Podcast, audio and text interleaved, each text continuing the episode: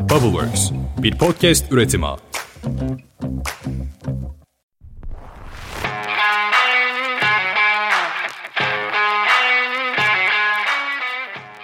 Selamlar.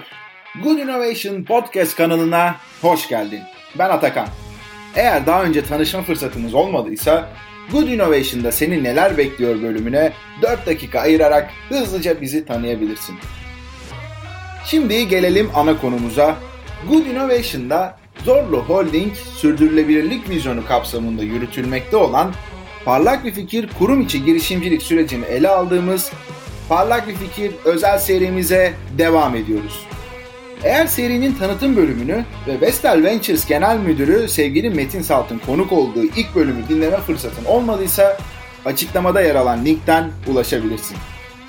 Bu bölümde oldukça dinamik bir akış seni bekliyor. Kısaca özetlemek gerekirse bölümün içerisinde 3 tane ayrı part var. İlk partta parlak bir fikir sürecinin başarısında çok fazla emeği olan Zorlu Holding kurumsal iletişim ekibinden sevgili Selin Ekşioğlu'yla sürecin vizyon ve çıktı hedeflerinden, bu harika hikayenin başlangıcından, nasıl yönetildiğinden ve Zorlu grubuna olan katkılarından konuştuk. Hemen ardından ikinci partta parlak bir fikir birinci döngüsünde yatırım alıp yollarına başarılı birer girişim olarak devam eden Connecta Hub'ın kurucu ortağı Banu Akgül ve Ability Pool'un kurucu ortağı Haydar Sinan Yıldırım'la katıldıkları süreçte edindikleri kazanımlar, girişimcilik hayatına geçişleri, şu anda nasıl bir deneyim yaşadıkları ve gelecek hedeflerinden konuştuk. Son partta ise yine parlak bir fikir birinci döngüsü katılımcılarından olan ve sürece Zorlo Holding bünyesinde inovasyon elçisi olarak devam ederek kurum içerisinde inovasyon ve girişimcilik kaslarının güçlenmesine önemli katkılar sağlayan sevgili Kerem Dirik'le beraber sohbet ettik ve inovasyon elçisi ne yapar, misyonu nedir gibi soruların cevaplarını aldık. Bütün konuklarımıza bu yoğun tempoda programa katılıp vakit ayırdıkları ve özveriyle detaylı bir şekilde yaptıkları açıklamalar için çok teşekkür ediyorum. Eğer çayın ve kahven hazırsa sözü daha fazla uzatmadan seninle olan keyifli sohbetimize başlayalım istiyorum. Buyurunuz.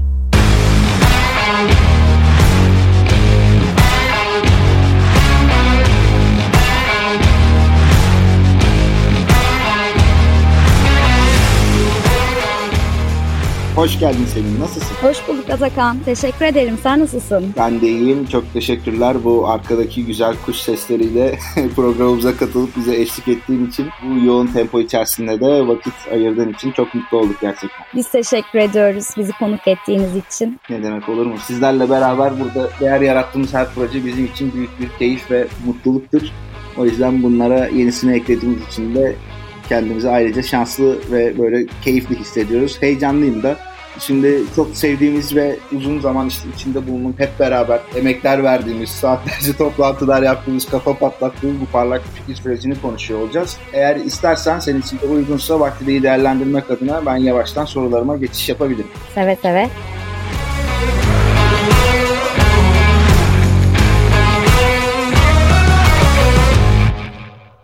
Parlak bir fikir programı Zorlu Holding'de hangi vizyon ve çıktı hedefleriyle hayata geçirildi ve bu hikayenin başlangıcından bu yana sen bir kısaca bahsedebilir misin? Çünkü sen ilk günden beri bu işin içindesin senin ve tüm detaylarıyla hakimsin. Senden bunu dinlemek oldukça faydalı olacaktır. Çok teşekkür Atakan. Parlak bir fikir yolculuğuna değindiğin gibi aslında ne mutlu ki ilk günden beri birlikteyiz bu yolculukta. Akıl Hayat 2030 sürdürülebilirlik yolculuğundan aslında bu noktada biraz bahsetmek isterim. Zorlu grubunun insan odaklı ekosistemler ve yenileyici iş modelleri yaklaşımıyla ve radikal işbirliklerini de destekleyen bir modelde hayata geçirdiği sürdürülebilirlik stratejisinin aslında en önemli çıktığı program programlarından biri. 2017 yılı itibariyle planlandı ve bu bahsettiğim yolculukta ARGE ve İnovasyon Çalışma Grubu'nun da bir alt hedefi olarak grup genelinde ve tüm ofis çalışanlarına yönelik sektörel bir ayrıma gitmeksizin planlanan bir programdan bahsediyoruz. Kurum içinde de girişimcilik ruhunu besleyen, yaratıcı, inovasyon odaklı düşünceyi ve iş yapış biçimlerini aslında güçlendirecek bir program olarak tasarlamaya çalıştık. Zorlu grubunun DNA'sında ve kuruluş felsefesinde bu girişim girişimci ruh, yenilikçi yapı ve çağın gerekliliklerine aslında hızla adapte olma, çeviklik gibi bir eğilim yatıyor. Nitelikli, yetkin çalışanlarla da yeni nesil iş modellerini destekleyen bu kültürün pekişmesiydi ana amaç parlak bir fikirde de. Grup 5 sektörde faaliyet gösteriyor ve haliyle de aslında çok farklı yetkinliklerde, çok farklı alanlarda uzman çalışma arkadaşlarımız var. Türkiye'nin dört bir yanına dağılmış ve yurt dışında da aslında olan çalışma arkadaşlarımızın bir arada fikirler etrafında buluşması, kültürde sinerjinin artması adına da çok kıymetliydi diyebilirim. Ve yine aslında yeni nesil artık bizimle Z kuşağından bahsediyoruz ve girişimci ruhla çalışabilecekleri bir takım pozitif yanlarını törpülemeden yaratıcılıklarını pekiştirecekleri aslında bir ortam. Yeni nesil için de çok kıymetli. O anlamda ne mutlu ki aslında biraz değinirim sonrasında ama onlardan da çok pozitif geri bildirimler aldığımız bir program. Ama elbette mevcuttaki insan kaynağını da aslında gelişmesi ve yenilikçi iş modellerine hızlı adapte olabilmesi, çağın gerekliliklerine ve aslında tüm dünyadaki meselelere de dokunan bir takım toplumsal, çevresel sorunlar etrafında da kafa yorup birlikte üretebileceği bir ortam yaratmak adına da hayata geçirdik bu programı diyebilirim. Evet Selin gerçekten süreci tüm hakimiyetinle çok güzel bir şekilde açıkladın. Böyle sen de anlatırken benim de hani derler ya gözümün önünden film şeridi gibi geçiyor diye. Birazcık aslında onu da yaşadım. Peki şimdi şunu merak ediyorum. Anlattıkların ışığında program nasıl bir yapıda ve nasıl bir yönetim modeliyle hayata geçirildi? Yani biz tabii bazı noktalara hakimiz ama mutlaka sizin de kurum içerisinde çok daha derinlemesine böyle konuştuğunuz yerler olabilir. Bunu da böyle bir açıklayabilirsek güzel olur diye düşünüyorum. Harika ve zor soru aslında Atakan. Biz bu sürece tabii ki başlamadan önce ciddi bir saha araştırması yaptık. Benchmarkları inceledik. Globalde ve Türkiye'de çok başarılı kurum içi girişimcilik süreçleri yöneten kurumlar, markalar var. Bunlara da ağırlıklı olarak da finansal kurumlar ve teknoloji şirketleri bu alana yatırım yapmış. Onu gördük. Birebir karşılıklı görüşmelerimiz, deneyim paylaşımlarımız da oldu. Ama sonra anladık ki gerçekten bu gibi süreçler kurumun ihtiyaçlarına ve kendi aslında özelliklerine, kültürlerine göre de tasarlanmalı. İhtiyaç duyulan şey bu. Bu anlamda da bir girişim ruhuyla aslında biz de tıpkı bir girişim fikriymişçesine programı çok değerli partnerlerimizle aslında tasarlamaya gayret ettik. Burada aslında sürdürülebilirlik yolculuğumuzda da ilk günden beri bizimle olan S360 ve sevgili Goin'in sizlerin aslında en kilit partnerlerimiz ve hep yanımızda olan dostlarımızdı. Ve yine şuna değinmem gerekir ki Vestel Ventures gibi bir yapının oluşu ve çok uzun yıllara dayanan bir tecrübesi. O ekibin desteği ve gücü programı çok ayrıştırdı. İlk günden beri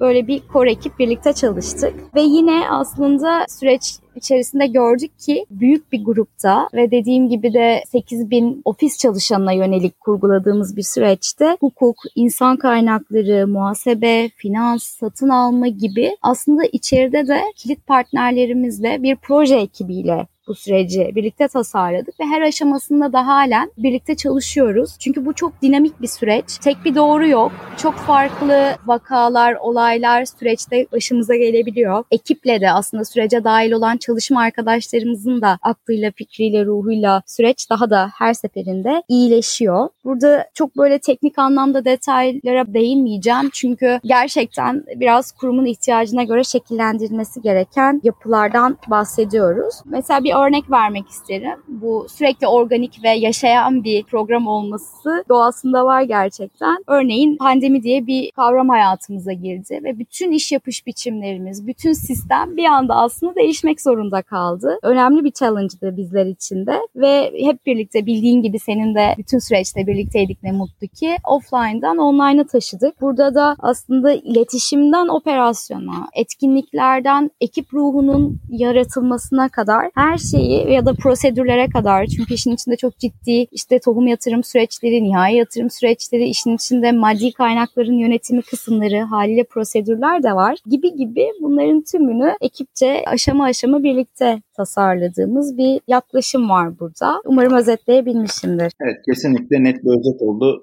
Gerçekten atlanmaması gereken birkaç tane konu var bence onların altını özellikle çizmek istiyorum bir arada çok iyi çalışan ve güzel işler çıkartıp iyi emek sarf eden partnerler tarafından yapılan konu. Tek taraflı değil ciddi bir ekip işi. Yani nasıl hani biz girişimcilikte ekip olmanın önemini anlatıyorsak aslında burada bu tarz bir programın tasarımında da bu ekip olmanın önemini çok iyi bir şekilde görüyor olduk. Bir de Zorlu Holding burada bir öncü olarak kurum içi girişimcilik faaliyetlerini bir öncü olarak konumlanıyor ve biz pek çok firmadan da şunu biliyoruz aslında bu tarz çalışmalar içinde bir benchmark olarak da konumlanıyor. Çünkü çok ciddi bir kitleye dönük bir çağrı açılıyor. Oradan bir sürü farklı disiplinden kişiler geliyor. Ciddi bir çeşitlilik var ortada ve bu çeşitliliğin de çok güzel meyveleri çıkıyor süreç içerisinde. Bunları gördükçe de çok mutlu oluyoruz.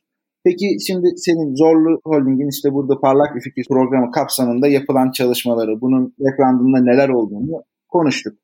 Peki bu kurum içi girişimcilik faaliyetleri bugüne kadar Zorlu grubuna ne gibi katkıları oldu? Senin gözlemlerin neler? Böyle dikkat çeken ne gibi çıktılar var? Atakan aslında çok uzun yıllar geçmedi program başlayalı. O anlamda orta ve uzun vadede eminim çok farklı çıktılarını hem gözlemleme hem de bir takım araştırmalarla da somut çıktıları ortaya koyma şansımız olacak. Bu öğrenimler hem zorlu grubu adına hem de aslında özel sektör tecrübesi adına da kıymetli diye düşünüyoruz ve olabildiğince de bu deneyimi farklı platformlarda paylaşmaya, paydaşlarımızla iletmeye çalışıyoruz. Şöyle söyleyebilirim aslında sürecin tüm grupta her kademede senin de az önce değindiğin gibi yani çeşitlilik ve olabildiğince kapsayıcı bir tutumla tasarlanmış bir programdan bahsediyoruz. Her kademede sinerjiyi, dinamizmi yarattığını, aslında gruba yeni bir enerji, yeni bir kan getirdiğini söyleyebiliriz. Bu noktada üst yönetimin, hissedarların ve her kademede çalışma arkadaşımızın aslında dahiliyeti ve heyecanını çok kritik rol oynadı. Bunu söyleyebilirim. Ve her döngüde de daha çok sahiplenildiğini, programın çıktılarını gördükçe birlikte tüm grup olarak heyecanlandığımızı aslında gözlemliyoruz. Bu da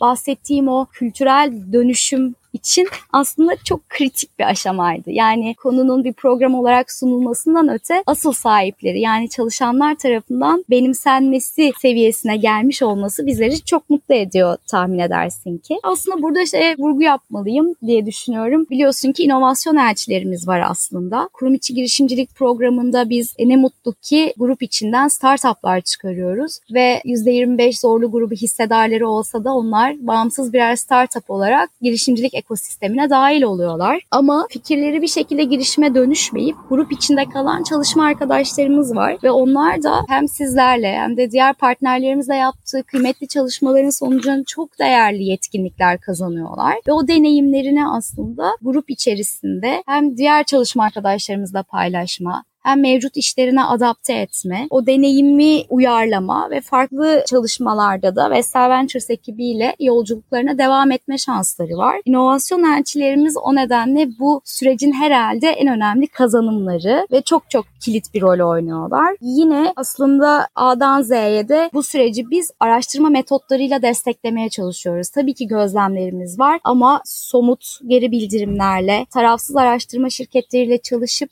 içeride ve dışarıda bu dönüşümün çıktıları ne olduğunu ölçümlemeye gayret ediyoruz. Bunu da çok önemli buluyoruz açıkçası. Bu bilimsel çıktılar paralelinde de her döngüde aslında süreci iyileştirmeye, daha iyisini nasıl yapabiliriz diye ve tüm paydaşlarımdan gelen geri bildirimlerle de olabildiğince kapsayıcı bir şekilde birlikte süreci her döngüde yeniden tasarlamaya gayret ediyoruz diyebilirim. Bu arada çok önemli bir noktaya. Yani anlattıkların tamamında çok önemli yerler vardı da şimdi birazdan da aslında oraya doğru doğru geçiş yapacağımız için güzel de bir pas oldu. Teşekkür ediyorum. İnovasyon elçileri konusu. Gerçekten kurumun bu kültürel dönüşüm sürecindeki temel yapı taşlarından bir tanesi. Biz de ilk dönemde bu süreci tamamlayıp inovasyon elçisi olarak kurum içinde faaliyetlerine devam eden çeşitli çalışanlardan onların çeşitli yerlerde design thinking eğitimleri verdikleri ve yine kurumun içerisinde bu arada verilen eğitimler. Ondan sonra burada öğrendiklerini uyguladıkları takım yapıları oluşturmuş olmalarını görmek gerçekten işin çıktıları ile ilgili böyle somut örnekler sunabiliyor. Bunun da çok değerli bir şey olduğunu aslında düşünüyoruz diye yine bu kısmın böyle ufak da olsa bir altını çizmiş olayım. Ben çok teşekkür ediyorum senin katılımın için, bu keyifli sohbetin için. Bu sürece olan hakimiyetinle her bunu senden dinlediğimde birkaç ufak noktayı daha böyle ben de aslında yakalamış oluyorum. Benim için de çok iyi oluyor. Onun için de ayrıca teşekkür ederim. Ben çok teşekkür ediyorum Atakan. Grubumuz adına da ve Parlak Bir Fikir ailesinde emeği geçen herkes adına. Sizlerle birlikte olmak gerçekten çok keyifli. Birlikte öğreniyoruz. Birlikte daha iyisini yapmaya her gün çabalıyoruz. Arkadaşlığımız çok kıymetli. Size de bu bilgileri aktarma fırsatı verdiğiniz için ben çok teşekkür ediyorum. Ne demek olur mu? Nice güzel fikirlere, nice güzel birlikteliklere diyelim. Evet, Selin gerçekten tekrar çok teşekkürler. Süreç boyunca seninle ve tabii ki tüm ekiple çalışmak bizim için oldukça keyifliydi. Şimdi yine çalışmaktan ve başarılarını takip edip paylaşmaktan çok keyif aldığımız iki ekiple devam ediyoruz. Connect Hub ve Ability Pool'u tanıyalım.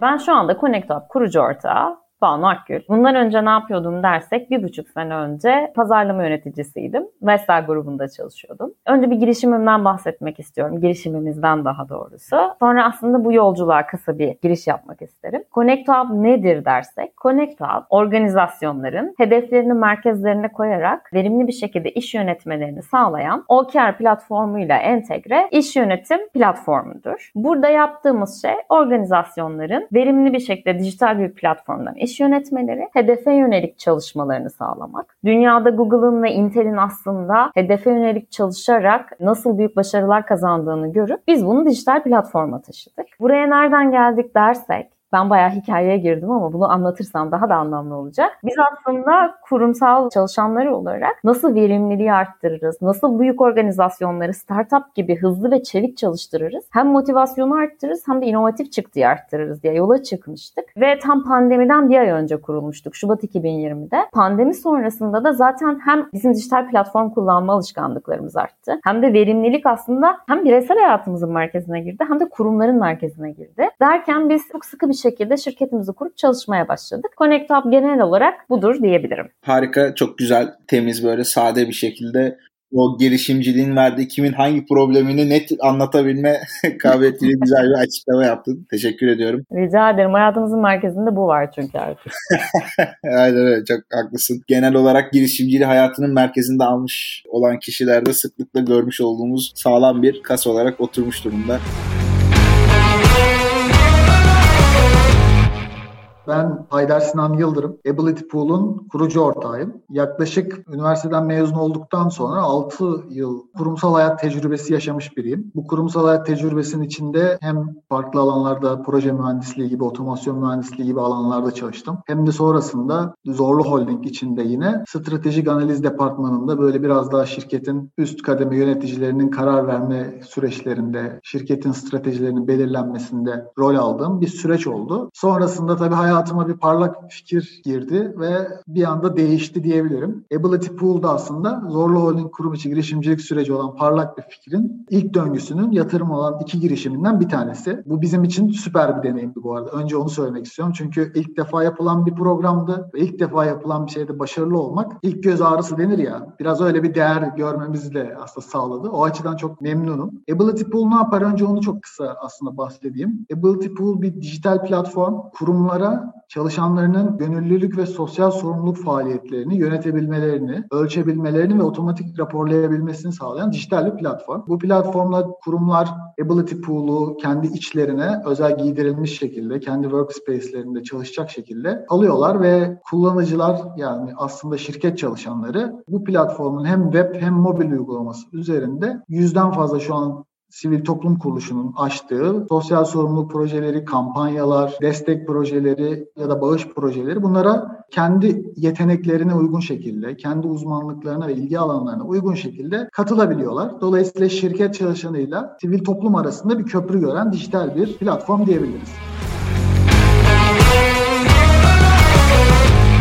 Banu ile Sinan'ı ve girişimlerini daha yakından tanıdığımıza göre sorularımıza geçebiliriz.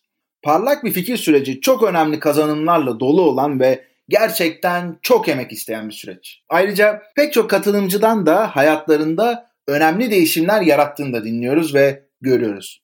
Bu sebeple şunu merak ettik. Parlak bir fikir sürecine ilk girdiğiniz güne ve bugüne baktığınızda hayatınızda neler değişti? Aslında 180 derece değişim var. İki yönden değişimden bahsedebilirim Atakan. Tamamen kariyerim değişti. Ben kurumsal bir firmada çalışıyordum. Benim burada bir kariyer basamaklarım vardı. Göreli rutin bir hayatım vardı diyebilirim. Dediğim gibi ben eski pazarlama yöneticisiydim. Ve artık şu an girişimciyim. Belirsizliği merkezine alarak çalışan bir insan oldum şu anda. Şimdi bu benim hayatımdaki değişimdi. Ama hayata bakış açısındaki değişim çok çok daha radikal. Burada örnekler verdiğim zaman daha net aslında aslında oturacak. Trajikomik örneklerimiz var öyle söyleyebilirim. Biz ilk parlak bir fikre başladığımızda şöyle bir güdüyle başladık. Bir, dünyayı kurtarmamız lazım. Öyle bir fikirle gelmeliyiz ki bu fikir aslında daha önceden uygulanmamış olmalı. Ama öyle bir uygulama getirmeliyiz ki gerçekten tüm ihtiyaçları karşılamalı. Bu sanırım hem bizim kültürel kodlarımız hem kurumsal hayatın kodları konuştu diyebilirim. Burada şöyle bir amacımız vardı. Amaç hep aynıydı. Biz nasıl verimlilik arttırırız, biz nasıl insanların daha motive çalışmasını sağlarız. Bu aslında gayeyle yola çıkmıştık. Ama burada yarattığımız çözüm sürekli değişti. Başlangıçta dediğim gibi biz öyle bir kompakt çözüm sunalım ki daha önce piyasada olmuş olmasın. Çünkü daha önceden piyasada olan bir ürünü çıkarmak başarısızlık. Böyle bir şey yapılmamalı. Oysa ki baktığımız zaman biz Zoom'da kullanıyoruz. İşte bundan önce çok fazla aslında video konferans uygulaması da var ama neden aynı servisi sunan farklı uygulamalar çok başarılı oluyor diye baktığımda aslında aynı çözüm sunabilirsin ama farklı şekillerde ve böyle başarı yaratırsın. Bu bilgi bizde yoktu. Daha doğrusu bunu kabullenmemiştik. Bir de kurumsal hayatın getirdiği mükemmel olmalısın. Bütün damarlarımıza işlemişti. Öyle bir çözüm sunmalısın ki mükemmel her şeyi çözmelisin. Dünyada böyle bir örnek yok aslında baktığımızda herkes çözümün ufak bir parçasını sunarak ekosisteme katkıda bulunuyor ama onu çok verimli bir şekilde çözüyor. Biz başta işte bu yanlışlarla yola çıktığımızda dünyaları kurtaracak uygulamaları elimize almıştık. Sonra ilk bu parlak bir fikir sürecinde aslında Goin'le devam ettiğimiz süreçte merkezimize şunları aldık. Sorun neydi? Bu sorun aslında hangi personaya aitti? Ve bu personanın sorunları nasıl çözmeliydi? İşte burada hayata bakış açımız değişmeye başladı. Çünkü sorun bizim sorunumuz değil. Belki bizim sorunumuz ama bizim de dahil olduğumuz bir kümenin sorunu. Bu sorunu asıl personadan dinlemek gerekiyor. Sadece dinlemek de değil, insight toplamak gerekiyor. Sonra benim kafamda yarattığım çözüm gerçekten bu personada çözüm mü acaba başka bir çözüm mü gerekiyor? Bu soru işaretlerini sormaya başladık çünkü soru sormaya başladık. Zaten bu hayata tamamen bakış açısını değiştiriyor. Girişimcilik de bu oluyor aslında. Sorun görüyorsunuz, sorun sahibine bakıyorsunuz, insight topluyorsunuz ve çözüm üretiyorsunuz. Sonra dünyaya bakıyorsunuz. Nasıl çözümler var? Bunlara artı ne ekleyebilirsiniz ya da neyi farklı yapabilirsiniz? Sanırım el atılmayan bir alan zaten dünyada yok. Orada da bir hata var. Büyük bir önyargıyla bakılınıyor girişimciliğe ya da biz öyle bakıyorduk öncesinde. Sanki çözülmemiş problemi çözmeliyiz ve bu aslında adım atmaya da engel oluyor. Burada adım atma yeteneği kazandık. Aslında çözüm üretebiliriz bakış açısını kazandık ama çözümü de kendi kafamıza göre değil, asıl problem sahiplerini dinleyerek üretebiliriz ve adım adım üretebiliriz. Hiçbir zaman tam mükemmel olarak çözümü sunmak zorunda değiliz. Çözümün ufak bir parçası yani MVP dediğimiz parçayı bir sunalım. Eğer burası çözüme yakınsa o zaman çözüme doğru gidelim bakış açısı kazandık. Açıkçası benim bu sürece başlarken o mükemmelliyetçi bakış açım tamamen kayboldu. Çözüm üret ve devam et. Elinde ne varsa bununla devam et. Yapabildiğinin en iyisini yap ama en iyisini bekleme mantığı oturmaya başladı. Bir de şu mantık değişti aslında. Hayatta çok fazla sorun var. Sorunlara bakış açısı ve nasıl çözerim yaklaşımı oturmaya başladı. Zaten bu yaklaşımlarla beraber biz çok fazla rakibin de olduğu pazarda farklılaşacak bir çözüm sunduk. Bunu da yine kullanıcılarımızı ve kullanım alışkanlıklarını merkeze alarak sunduk. Hem bu bakış açımız değişti Atakan hem de şu değişti. Onu söyleyebilirim. Girişimcilik dediğimiz şey çok fazla reddedilme, çok fazla başarısızlıkla baş edip başarıya doğru giden yolda azimle ilerlemek. Bu kullanıcıların da reddetmesi olabilir, yatırımcıların da reddetmesi olabilir ya da kendi yarattığınız işten kendiniz memnun olmayabilirsiniz ama sürekli devam etmek. Bu süreçte de zaten bu artık damarlarımıza işledi diyebilirim ve belirsizlik oluyor aslında bu anlattıklarımın hepsi belirsizlikle yaşamayı öğrendik. Kariyerim tamamen değişti ama bakış açım daha da değişti. Artık belirsizlik böyle yol arkadaşımız oldu. Aslında belirsizliğin verdiği heyecanla motive olmaya başladık. Ve burada başarısızlıklarımızı kabul edip onlardan bir başarı öyküsü çıkarma yaklaşımı aslında merkezimize oturdu diyebilirim. Bu şekilde de yolculuğumuza devam ediyoruz. Anladım. Valla harika özetledin ya. Paul Graham'ın bu yakınlarda bir yazısı vardı. Birdenbire tabii kendisi de son derece böyle influencer bir karakter olduğu için hızlıca da meşhur oldu. Özellikle girişimlerin başlangıç aşamasında ölçeklenmeyen işler yapması gerektiğini tavsiye ediyor. İlerleyen zamanda ölçeklenebilmek için. İlk başta söylediğim bu sürekli her şey mükemmel olmalı, hata yapmamalıyız falan gibi bir algı var ya tam da onun tersinde olan bir bakış açısı ve bir an önce bir şeyleri doğrula sen o iş modelini oturt ki ondan sonra süreci böyle daha nasıl ölçekleyebilirim, nasıl optimize edebilirim diye o hatasız noktalara doğru yavaş yavaş ilerle ve hatayı yap, hatadan da öğren diyen aslında bir bakış açısı işin temelinde. Aynen. Bunu çok çok iyi bir şekilde özetledim. Ben de açıkçası bu tarz sohbetlerde keyif alıyorum. Benim için de güzel oluyor. Onu da söylemiş olayım. Ben bunları çok klişe bulurdum Atakan. O yüzden yaşayınca ne kadar önemli ve kıymetli olduklarını anladım. Ben yaptığım hatalardan, aldığım başarılardan daha büyük dersler çıkardım. Unutmuyorsunuz çünkü o hataları. Kesinlikle evet. Bir de olumsuz yorumlar. Bu kullanıcı yorumları olabilir. Herhangi bir şekilde dışarıdan bir insanın yorumu olabilir. Bununla baş etmek çok zor. Dediğim gibi biraz kültürel olarak aslında burada zorlanıyoruz. Ama dönüp baktığımda bize yapılan olumsuz yorumları biz nasıl çözüm üretebiliriz diye çok büyük hayal kırıklıklarıyla aslında oturduk çalıştık. Ama onlara karşı ürettiğimiz çözümler sonrasında diğer kullanıcılarımız tarafından çok beğenildi. O kadar olumsuz yorumların faydasını gördük ki şu an biz kullanıcıya gidip diyoruz ki ne eksik görüyorsunuz? Ne olsa daha iyi olabilirdi. Neyi beğenmediniz bize söyleyin. Hatta bunlar bizi daha mutlu ediyor şu anda. Çünkü biliyoruz ki ileride bunlar bizim için çok daha faydalı olacak. Bu biraz klişe geliyor. Ben başlangıçta bunları dinlerken aslında öyle hissediyordum ama inanın bana diyeyim şu anda bu yola adım atan herkes için bunların hepsi sizin için altın değerinde. Sarın sarmalayın onlarla büyüyeceksiniz.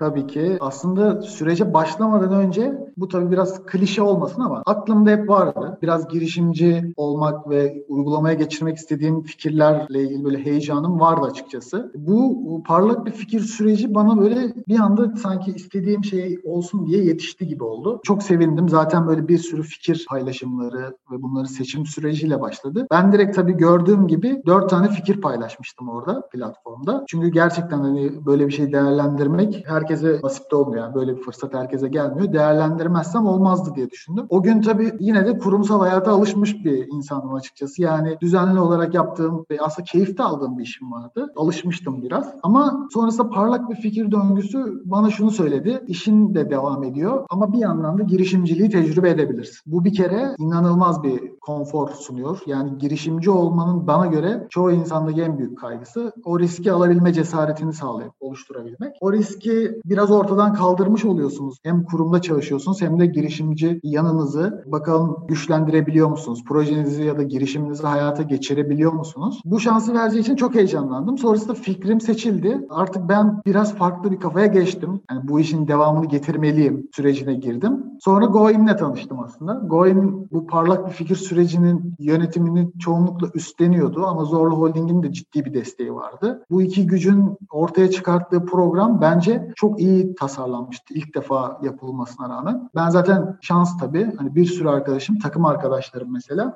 dört kişilik biz. Mesela Manisa'dan geliyorlar. Çünkü Zorlu Holding büyük bir yapı. Her şehirden farklı yerlerden çalışanları var. Ben şanslıydım İstanbul tarafındaydı. Eğitim de o zaman daha pandemi gelmediği için İstanbul'da yapılıyordu. Ve ben açıkçası ofisten işte girişimci olmaya gidiyorum diye çıkıp bir hayli mesela iş arkadaşlarımın şeyinde böyle farklı görünüyordum. Orada bir ufaktan bir hava atma şansımız bile oluyordu. Çünkü her kurumsal çalışanın da gönlünde bir yerde bu da var aslında bir gün girişimci olmak. Bu nedenlerle yani biraz böyle o binanın içinde eğitim alacağımız yere doğru giderken bayağı bir keyifle böyle havasını ata ata gidiyordum. Aslında o demin söylediğim iki gücün birleşimiyle çok güzel eğitimler almaya başladık. İşte biz bir tabii ki fikir sunduk. Takımımızı bu yönde oluşturduk. Ama işin sonunda bu fikrin gerçekten doğru bir fikir olup olmadığını, pazarda bir karşılığı olup olmadığını, doğru iş modeli bulup bulmayacağı falan. Bunların hepsini çözümleyeceğimiz çok güzel bir bir ay geçirdik bir ya da bir buçuk ay gibiydi. Burada hem işte atıyorum o yalın kanvasları çalıştık ekiple, bunları jüriye sunduk ekip zaten bu oyunda sürekli anlatıyorduk, revize ediyorduk. Fikrimizi bir kere birkaç kere pivot ettik. Sonra burada sahaya çıkıp müşteriye gerçekten böyle bir şey sunsak alır mıyı test ettik. Bunlar hep tabii ki güzel bir rehberlik sonucunda oldu. Bizde de yavaş yavaş o kurumsal kafayla girişimci kafasının aslında böyle harmanlandığı hem kurum tarafını biliyorum. Nasıl işler dönüyor, nasıl böyle işte bir hayat var bu tarafta. Ticari hayatta neler karşılık buluyor bunu biliyorum. Bir yandan şimdi daha hızlı olmayı, yalın kalmayı, işte yeni bir iş oluşturup bunu gerçekten müşteriye bir değer önerisiyle sunabilmeyi öğrenmeye başladım. Orada zaten değişim başladı. Kesinlikle ilk şeyi bu oldu farkındalığım. Bu süreçte sonunda dört kere biz yazdığım fikri pivot ettik mesela. O olmadı bir daha, o olmadı bir daha. Bu aslında bir şey de katıyor. Bir dayanıklılık da katıyor insana ve peşinden koşma isteği de doğuruyor. İşin sonunda da aslında güzel bir jüri değerlendirmesiyle orada başarılı bir sonuç aldık ve bir tohum yatırımı aldık. O tohum yatırımı bir kere ilk özgüven şey oldu bizim için. Ve işte fikrimizi biraz daha genişletmek, güçlendirmek için yine her hafta mesela Goin'le mentorluk seansları yapıyorduk. Orada mentorun da size inanması çok önemli. Goin'de mesela buradan selam olsun hatta Yusuf ve Baran'a. ikisiyle birlikte gerçekten her hafta böyle bir açığını kapatıyorduk fikrimizin, girişimimizin yavaştan. Ürün tarafında neye dikkat edeceğiz? Müşteride neye bakacağız? Yarın işte finansallarımız ne ölçüde gerçekçi duruyor? Yatırımcıyı ikna eder mi? Gerçek müşterilerle görüşmeye başladık. Onlardan reaksiyonlar almaya başladık falan derken işin sonunda da bir iki, iki buçuk aylık süreç geçti yanlış hatırlamıyorsam. Onun sonunda da bir Zorla Holding'in içinden böyle gerçekten hani üst düzey yöneticiler, şirketin yine aslında hissedarlarının olduğu, akademik hatta insanların olduğu, Goin'in olduğu böyle bir çok değerli ve güçlü bir jüri karşısında da yatırım sunumuna bu şekilde hazırlanmış olduk. Bu sürecin sonunda da bir tabii ki keyifli bir sonla bitirdik bunu. O da bizim için bir taç oldu. Çünkü süreçte zaten öğrendiklerimiz, o düşünme şeklimizin değişmesi hakikaten değerli. Çünkü kurumsal hayatta bir tık çok büyük olan yapıda aslında benim yaptığım işler büyük bir resmi değiştiriyor mu soru işareti var. Yaptığım iş gerçekten fark yaratıyor mu, anlam yaratıyor mu? Hep bunu bir insan sorguluyor. Ama kurumsal hayatta tabii ki bir şekilde işlerin o büyük yapıda yapılacağını, bir şekilde halledileceğini duyulan güven var. Girişimde bu bütün sorumluluk aslında senin omuzlarında. Bu da çok farklı bir deneyim yine. Bunu yaşama şansına erişmiş olduk ve bunu da yine yatırımla taşlandırmış olmak güzel. Taşlandırmamış olsaydık da bu farkındalığı kazanmış olmak yine güzel. Kurumsal hayata dönüp oradaki yaptığım işlerde artık daha farklı nasıl bakarım olaylara, daha böyle hızlı, hemen dene, öğren, yanıl işte şeklinde hayatıma nasıl entegre ederdim? Bunları uygulamaya başlardım. Dolayısıyla süreçte bir yatırım almış olmamız çok süper, şahane bir şey oldu. Dolayısıyla artık bir girişimci kimliğine geçiş yaptım. Başladığım gün biraz daha kurumsal hayatla girişimcilik arasında hep hala soru işaretleri olan biriydim. Ama bitirdiğim gün bütün o şey seti geldiği için, yetenek seti ve benim kendi mindsetim değiştiği için çok daha böyle özgüvenli ve bu işi yaparım diyeceğim seviyeye gelmiştim açıkçası. Ve en güzel yanı da kurum içi girişimciliğin Şirket sayesinde yine işine çok kolay odaklanabiliyorsun. Network bağlarını şirket desteğiyle çok daha sağlam kurabiliyorsun. Müşteriye erişimde belki bir, belki iki, belki üç sıfır önde başlıyorsun. Çünkü zorluğdan çıktık. İşte Goin desteğiyle böyle bir sürü jüri elemesini geçtik ve bizim girişimimiz böyle sıkı bir elemeden geçti dediğimiz girişim anlatıyorsun. Dolayısıyla müşteride şeyin farklı oluyor. O işine odaklanabildiğin kısmı şöyle detaylandıralım. Hukuk, muhasebe, insan kaynakları gibi böyle aslında girişimlerin mutlaka yapması gereken ama o tarz durumlar için kaynak ayıramadığı birçok konuda şirket desteği oluyor.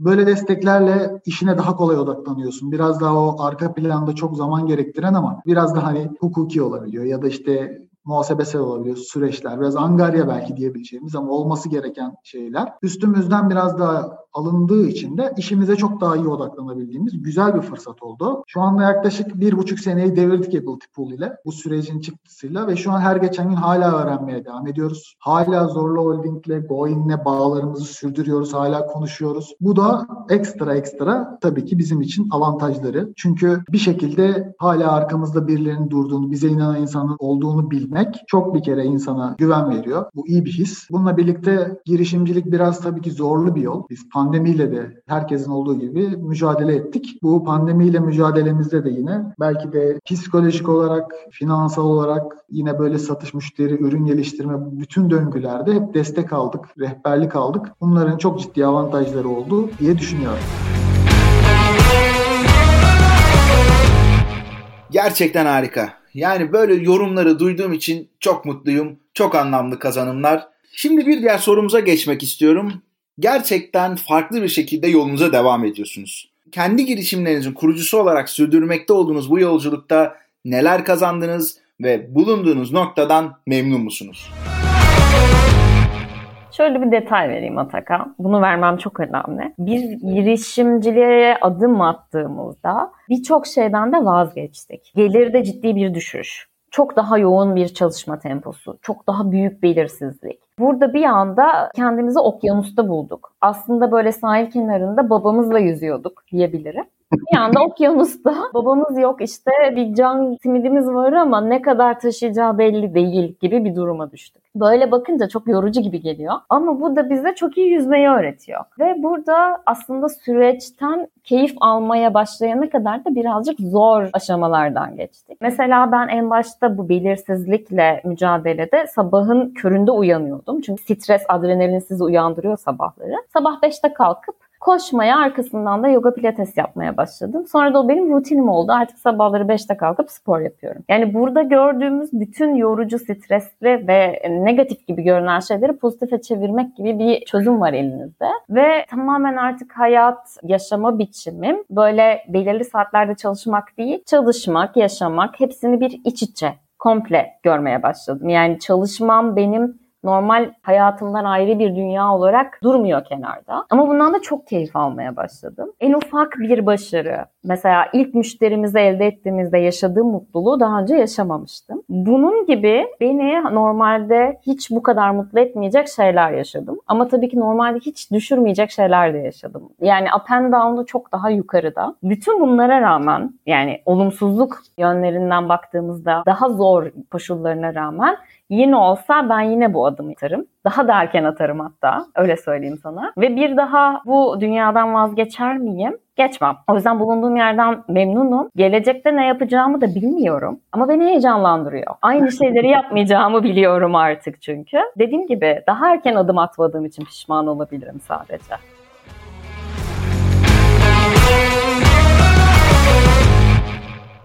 Ben bulunduğum yerden aşırı memnunum. Harika. Çünkü Evet yani biraz hani böyle hani aşırı dememin nedeni kesinlikle yani kolay bir şey değil ve hani o demin bahsettiğim her şeyin sorumluluğunun üstüne gelmesi, birçok şey düşünmen zor şeyler. Ama bir yandan da kendi ekibini oluşturabilmen, böyle birçok yeni insanla tanışabiliyor olman, girişimci ekosisteminde yer alabilmek, bu ekosistemin parçası olarak belki başarı hikayeleri yazabilmek, yani bu bile zaten insanı inanılmaz motive ediyor. Şu anda her yeni yapılan şeyin, her ürettiğimiz çıktının, her konuştuğumuz insanın hep bir katma değeri olduğunu hissediyorum. O yüzden de bulunduğum noktada bir şeyler üretiyorum, bir şeyler çıkarıyorum. Bu döngüye gerçekten fayda sağlıyorum ve bunun da çoğunluğunu hani elbette bir takım işi ama biz yapıyoruz yani diyebilmek ekip olarak inanılmaz güzel bir his.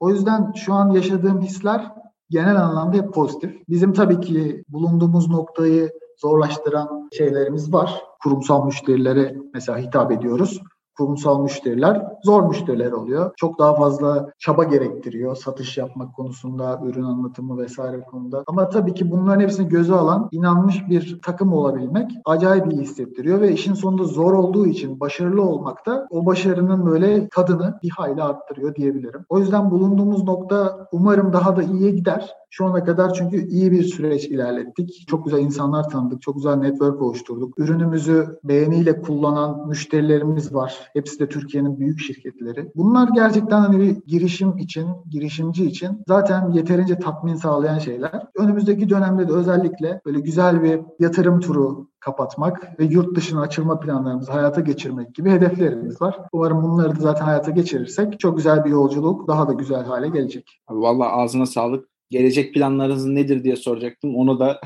değinmiş olduk. bir adım öteyi görmek gerekiyor girişimde. Aynen öyle. Valla helal olsun.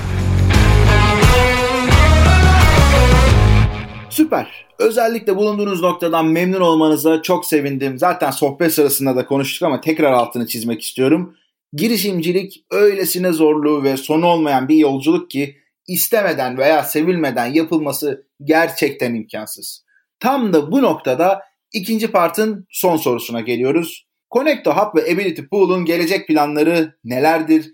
İleride sizlerden ne gibi başarı hikayeleri duyup neler göreceğiz?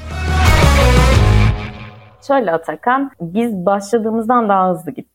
Dediğim gibi aslında Covid sonrası çalışma modellerinin değişmesiyle beklediğimizden daha fazla taleple karşılaştık. Ve buradaki talep artışı biz daha da hızlı geliştirdi diyebilirim. Ve şu anda aslında gözümüzü globale diktik. Hatta biz iki hafta önce Product Hunt lansmanı yaptık. Dünyadan kullanıcılarımızdan yorumlar aldık. Çok olumlu yorumlar aldık. Bizim burada hedefleri iş hayatının merkezine koymamız ve bu yaklaşımla hareket ediyor olmamız gerçek kullanıcılardan çok olumlu yönde dönüşler getirdi. Ve bu anlamda aslında global müşteri adaylarımızla da görüşmeye başladık. Biz açıkçası global bir marka olma yolunda adımlar atıyoruz ve gerçekten de tek hedefimiz sanırım artık global bir marka yaratmak. Bunu tabii ki şu anda Türkiye'de çok değerli kullanıcılarımızla başlayarak bu adıma kadar geldik. Burada da hızlı bir şekilde ilerlemek ama neden bir global verimlilik uygulaması Türkiye'den çıkmasın dedik. Şu anda da hızlı bir şekilde böyle ilerliyoruz. Umarım en kısa zamanda bu haberlerimizle size geliriz.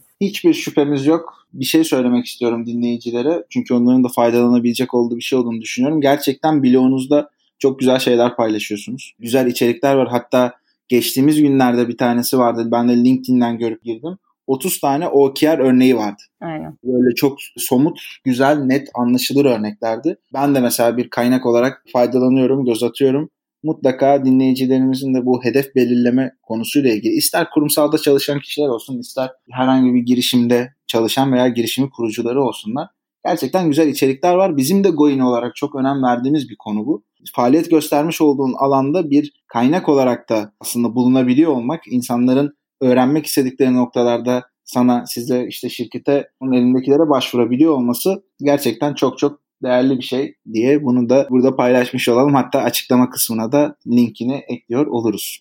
Çok teşekkürler Atakan. Ne demek? Biz teşekkür ederiz bu değerli paylaşımlar için. Ayrıca bu yoğun tempon içerisinde bu seriye katılıp vakit ayırdığın için de ayrıca teşekkür ediyorum. Çok da keyifli bir sohbet oldu. Çok sağ ol. Ben teşekkür ediyorum. Bu arada Goyne de çok teşekkür etmek istiyorum. Bir parantez açmak istiyorum. Biz kurum içi girişimcilik yolculuğumuza başladık Goyne'le. Her zaman bir mentor olarak gördük. Şirketimizi kurduk. Her zaman aslında biz destek aldık diyebilirim. Bu anlamda yine beraber yürüyeceğimizi de biliyorum. Girişimciler için en önemli şey de aslında bu şekilde mentorlar, destekleyen insanlar bunların hepsi çok kıymetli. Bu bakımdan ben de Goyne çok teşekkür etmek istiyorum.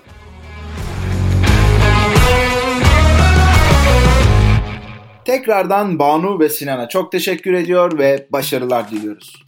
Şimdi sırada bu bölümün son partı var. Kerem'le beraber Zorlu Holding inovasyon elçiliği üzerine çok keyifli bir sohbet oldu. Bu arada çayını, kahveni tazelemeyi de unutma lütfen. Bu akış içerisinde unuttuysan diye hatırlatmak istedim. Söz Kerem'de. Sevgili Kerem Delik'le beraberiz. Kerem hoş geldin. Nasılsın? Merhabalar, hoş bulduk. Çok teşekkür ederim davetiniz için. İyiyim, sizler nasılsınız? İyiyiz vallahi çok sağ ol. Teşekkür ederiz. Sözü sana bir devretmek istiyorum. Bir kısaca kendini tanıtabilir misin rica etsem? Tabii tanıtayım. 1987 doğumluyum. 9 Eylül Üniversitesi Elektrik Elektronik Mühendisliği mezunuyum. Aynı zamanda 9 Eylül'de yüksek lisans yaptım. Vestel'de yaklaşık 12 senedir çalışıyorum. 2009 yılında başladım. ARGE'de televizyon ARGE tarafındayım. Bu 2019 yılında parlak bir fikrin ilk döngüsüyle beraber ben aslında dahil oldum inovasyon hayatına. Daha önce inovasyon namına hiçbir grupta veya bir projede yer almamıştım. Benim için de ilk bir deneyim oldu ve çok da heyecanlı oldu ve kısaca e, böyle bir girizgah yapabilirim. Tamamdır abi süper çok güzel. Zaman zaman da başka programlarda da böyle mentorluk veriyorsunuz. Biz de hatta karşılaşıyoruz. Gerçekten şu anda çok güzel işler çıkartıyorsunuz. Onun için tebrik ederim. Teşekkür ederim. Bir yandan da şunu merak ediyorum. Şimdi parlak bir fikrin ilk dönemini deneyimledin bu oldukça yoğun bir süreç, oldukça böyle zorlu, ciddi emek isteyen bir süreçti. Oradaki bir deneyimlerinden, parlak bir fikir sürecindeki yolculuğundan bahsedebilir misin rica? Tabii ki ilk olarak bir seçme oldu. Ben biraz kendi işimle alakalı. Ben PQ ile yani video, video mühendisi olarak çalışıyorum. Picture Quality benim alanım. Biraz bu alanı da içeren bir fikirle parlak bir fikre başvurmuştum. Seçilmemin ardından ilk bir tanışma, bir yol haritası ve işte Go In, Zorlu Holding ve bizlerin de katılımıyla yapılan bir toplantıda bize bu nasıl bir serüven beklediğini anlattıklarında çok heyecanlanmıştım açıkçası. Daha önce çünkü bahsettiğim gibi hiç böyle bir programda yer almamıştım. Süreç tabii dediğin gibi çok yoğun ama bir o kadar da zevkliydi ve öğreticiydi. Ben her zaman aslında o süreci benim için güzel bir eğitim oldu diye bakıyorum. Yani bir direkt maddi veya manevi bir kazanım veya kaybetme değil, daha ziyade bir eğitim gibi. Çünkü hakikaten Goyi'nin de burada katkılarıyla çok fazla biz eğitim aldık. Bir fikrin bir projeye, ardından bir girişime ve en sonunda da bir şirkete nasıl dönüştürülebileceği konusunda adım adım birçok eğitimler aldık. O anlamda bana çok yararlı oldu. Öte yandan tabii bu işin bir de sosyal kısmı var. Birçok insanla tanışıyorsunuz. Birçok mentorla aklınızdaki bütün soruları sorabileceğiniz ortamlarda buluşabiliyorsunuz. Bu konuda hevesli başka insanlarla bir araya gelip fikir paylaşımı yapabiliyorsunuz. Bu anlamda sosyal açıdan da benim için çok yararlı oldu diyebilirim. Tamamdır abi süper gerçekten burada tüm ekiplerle konuştuğumuzda yani hem bu ikinci döngünün katılımcılarından hem işte burada sizlerle işte Metin Bey ile Selin'le de bu yeni insanlarla tanışma vurgusu çok çok yapılıyor. Çok sıklıkla yapılıyor. Sanıyorum ki burada da gerçekten önemli bir değer yaratılıyor. Bunu senden de duymak olayı teyit etme açısından diğer yanındaki pek çok artışıyla beraber oldukça güzel oldu. Tabii şunun da altını çizelim cidden biraz önce soruyu sorarken de söylemiştim ama gerçekten büyük bir emek sarf ediliyor. Buna da hazır olmak gerekiyor ve neyse ki sürecin sonunda bunun da Kerem'in bahsetmiş olduğu kazanımlarla beraber de karşılığı güzel bir şekilde alınıyor. Şimdi sen sürece inovasyon elçisi olarak devam ediyorsun. Hem kurumun içerisinde hem de işte başka mecralarda da burada bir temsiliyetiniz var. Değerli katkılar yapıyorsunuz, güzel işler yapıyorsunuz. Parlak bir fikir için inovasyon elçisi sisteminin nasıl bir misyonu var, nasıl bir görevi var, nasıl bir önemi var? Bizimle bunları paylaşabilir misin rica etsem? Tabii ki. İnovasyon elçiliğine başlamam şöyle başladı aslında. 2019 yılında biz girişimimizi daha doğrusu girişim adayımızı ilerlettiğimiz noktada finale kadar geldik. Fakat finalde yatırım alma hakkı kazanamadık. Ardından ama Tabii Zorlu Holding bu aşamada hiçbir zaman bu konuda emek veren insanları kestirip atmıyor. Mutlaka bu inovasyon hayatının şirketimizdeki girişimciliğin içerisinde tecrübeyle yer almaları sağlıyor. Bu çok değerli bir şey aslında. Yani siz ne olursa olsun sizin bir girişiminizin başarılı ya da başarısız olması tekil bir örnekten ya da birçok deneyiminiz de olabilir. Hiç önemli değil. Aslında siz tecrübe kazanıyorsunuz ve bir kültüre ortak oluyorsunuz. Bu kültüre ortak olma olayında da beni bir inovasyon elçisi olarak bu, bu Zorlu Holding'in inovasyon programında devam etmemi istediler. Ben de memnuniyetle kabul ettim. Girişimimiz belki yatırım alamadı evet ama ben hala bu hayatın içerisindeyim ve bu hiçbir zaman hiçbir şey son değil ve her zaman insanın karşısına birçok fırsat çıkıyor. Bu dünyada olmak bile çok önemli. Ben hep bu gözle bakıyorum ve kendinizi sürekli geliştiriyorsunuz. İnovasyon elçisi ne demek ondan bahsedeyim. Biz burada temel hedefimiz en azından benim kendime temel koyduğum hedef girişimciliğin tüm şirket içerisinde bizim etrafımızdaki arkadaşlarımıza beraber çalıştığımız insanlara girişimcilik ruhunun aşılanması. Aslında temel amacı bence bu ve insanların benim çevremde iş arkadaşlarım arasında hani bu konuları uzaktan duymuş ama detayları konusunda hiçbir bilgisi olmayan, işte nasıl yaparım, nasıl bunun bir parçası olurum konusunda soruları olan insanları hep aydınlatmaya çalışıyorum. Hep deneyimlerimden bahsediyorum. Onları yüreklendirmeye çalışıyorum. Bu dünyanın nasıl bir dünya olduğunu, ne gibi sonunda fırsatlar olduğunu ve tabii ki ne gibi çabalar gerektirdiğini anlatıyorum. Bu anlamda inovasyon elçiliğinin bence en değerli kısmı yani bir elçilik kısmı. Yani sizin bilgi birikimlerinizi diğer insanlara aktarma. Bu da bayağı hoşuma gidiyor açıkçası. Birçok kişiye bu konuda tecrübelerimi aktarmak benim açımdan da hem bilgilerimi tazelemek anlamına geliyor hem de birilerine yardım etmiş ve bir kültüre ayak uydurmuş oluyorum. Benim için çok değerli.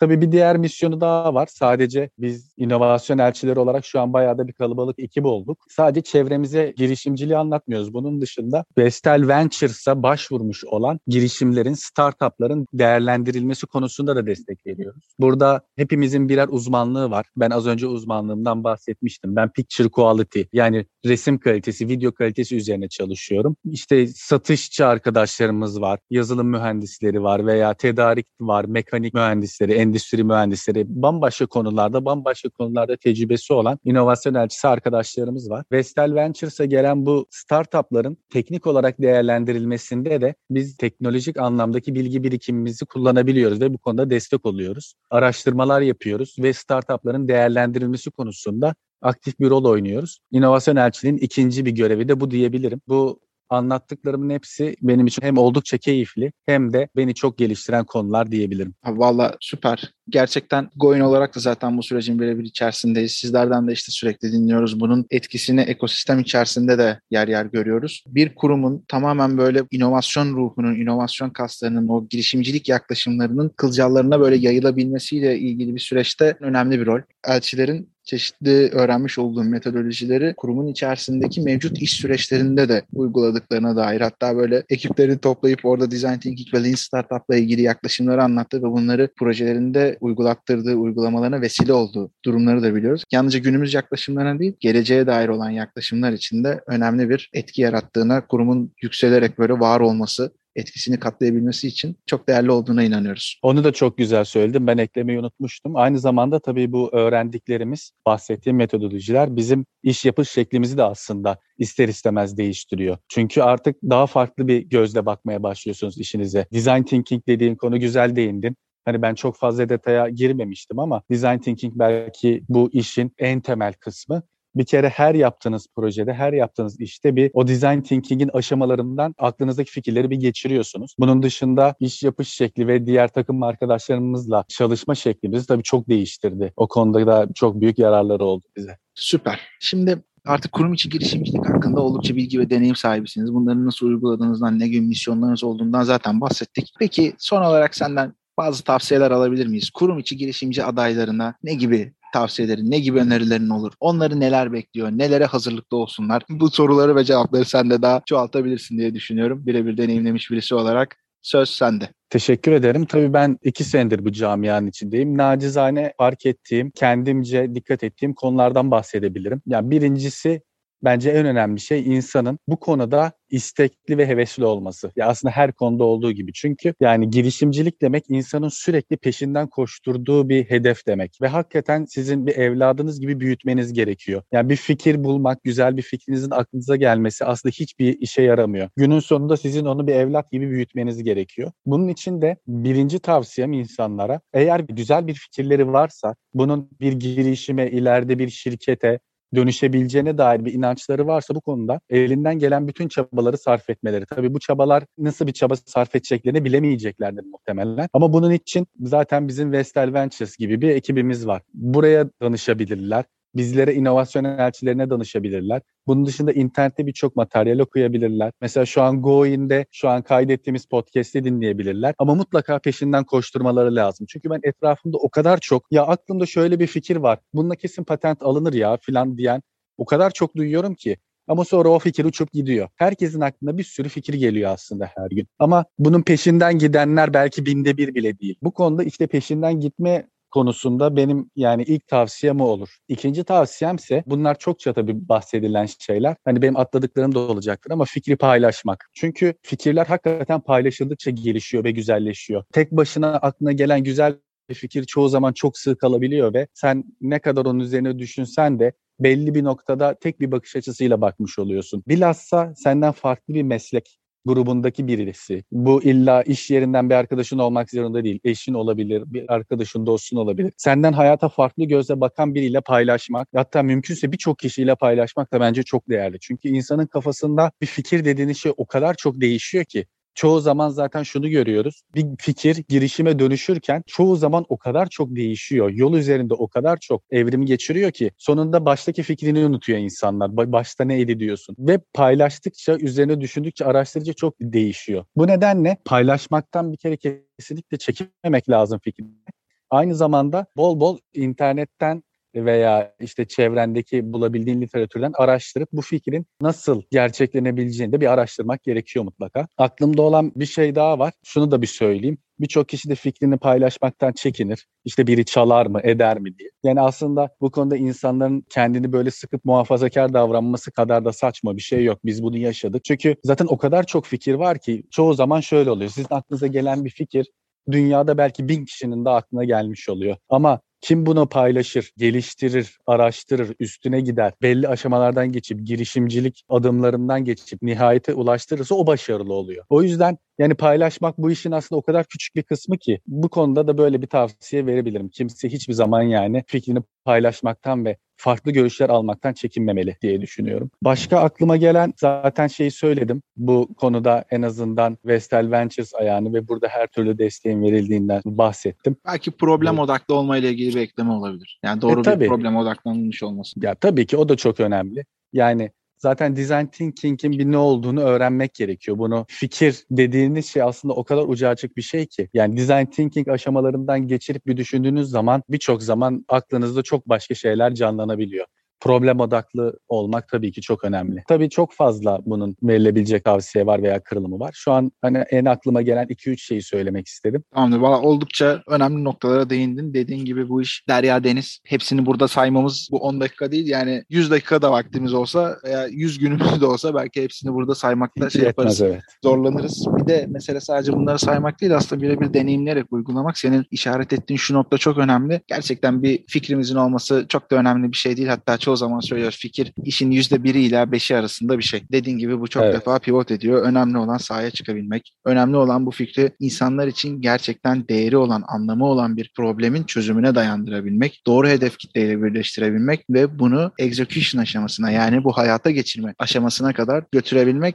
ve oraya götürdükten sonrasında da o zorluklara karşı gösterilmesi gereken gerekli dirayeti gösterebilmek gibi böyle birkaç tane temel noktayı sıralayabiliriz. Ama evet, onun dışında evet. tabii ki bunlar söylemesi böyle birkaç saniye, birkaç dakika alan şeyler ama şunu söyleyeyim. Geçen yılki parlak bir fikir süreci toplamda 9 ay sürdü. Ki bu yalnız yani işin bu sahaya çıkmasına kadar ki olan süreçti. Artık burada yatırım alan girişimlerin önünde çok daha uzun bir yol var. Zaten Ability Pool ve Connect Hub'dan da bunları dinledik. Bu zorlu yolculuğa katılan bütün girişimcilere ve girişimci adaylarına da başarılar diliyoruz. Kerem gerçekten sizi de son olarak bir tebrik etmek istiyorum. Yaptığınız iş çok değerli. Emekleriniz çok, çok değerli. Ederim. Yolunuz açık olsun diyorum sizin de. Sağ olun, var olun. Bana da bu fırsatı tanıdığınız için ben teşekkür ederim. Doyun zaten çok başarılı bir ekip. Ben de sizlerden çok şey öğrendim. Gelecekte daha birçok insana, birçok girişime çok katkı vereceğinizden de eminim. Umarım her şey sizler için de çok güzel olur.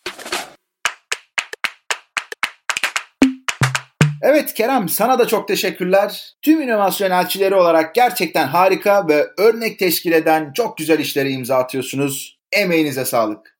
Bu arada bölümün kapanışına geldik ama son olarak şunları söylemek istiyorum. Burada altın çizmek istediğim bir nokta var.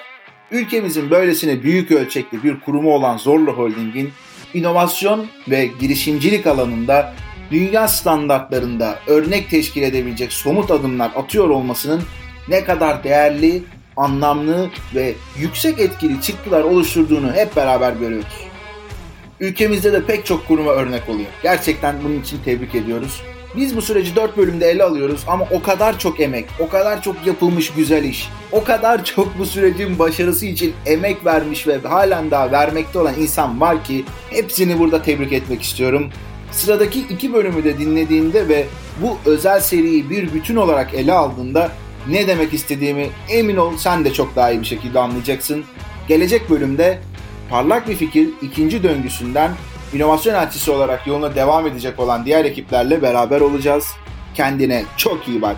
Sağlıkla, keyifle ve yenilikle kal. Görüşmek üzere.